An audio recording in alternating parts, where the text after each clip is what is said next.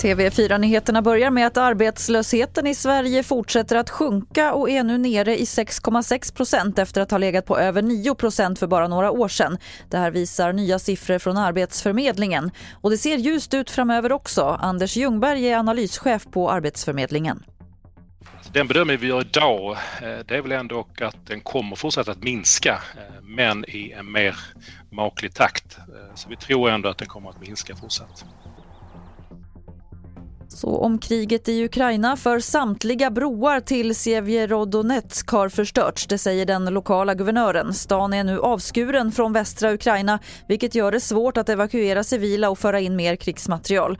Hårda strider pågår och enligt Ukraina har ryskt artilleri drivit ut de ukrainska styrkorna ur stans centrala delar.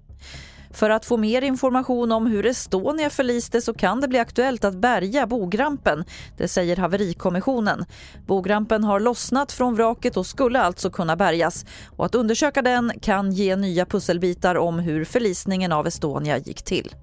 Fler nyheter hittar du på tv4.se. Jag heter Lotta Wall.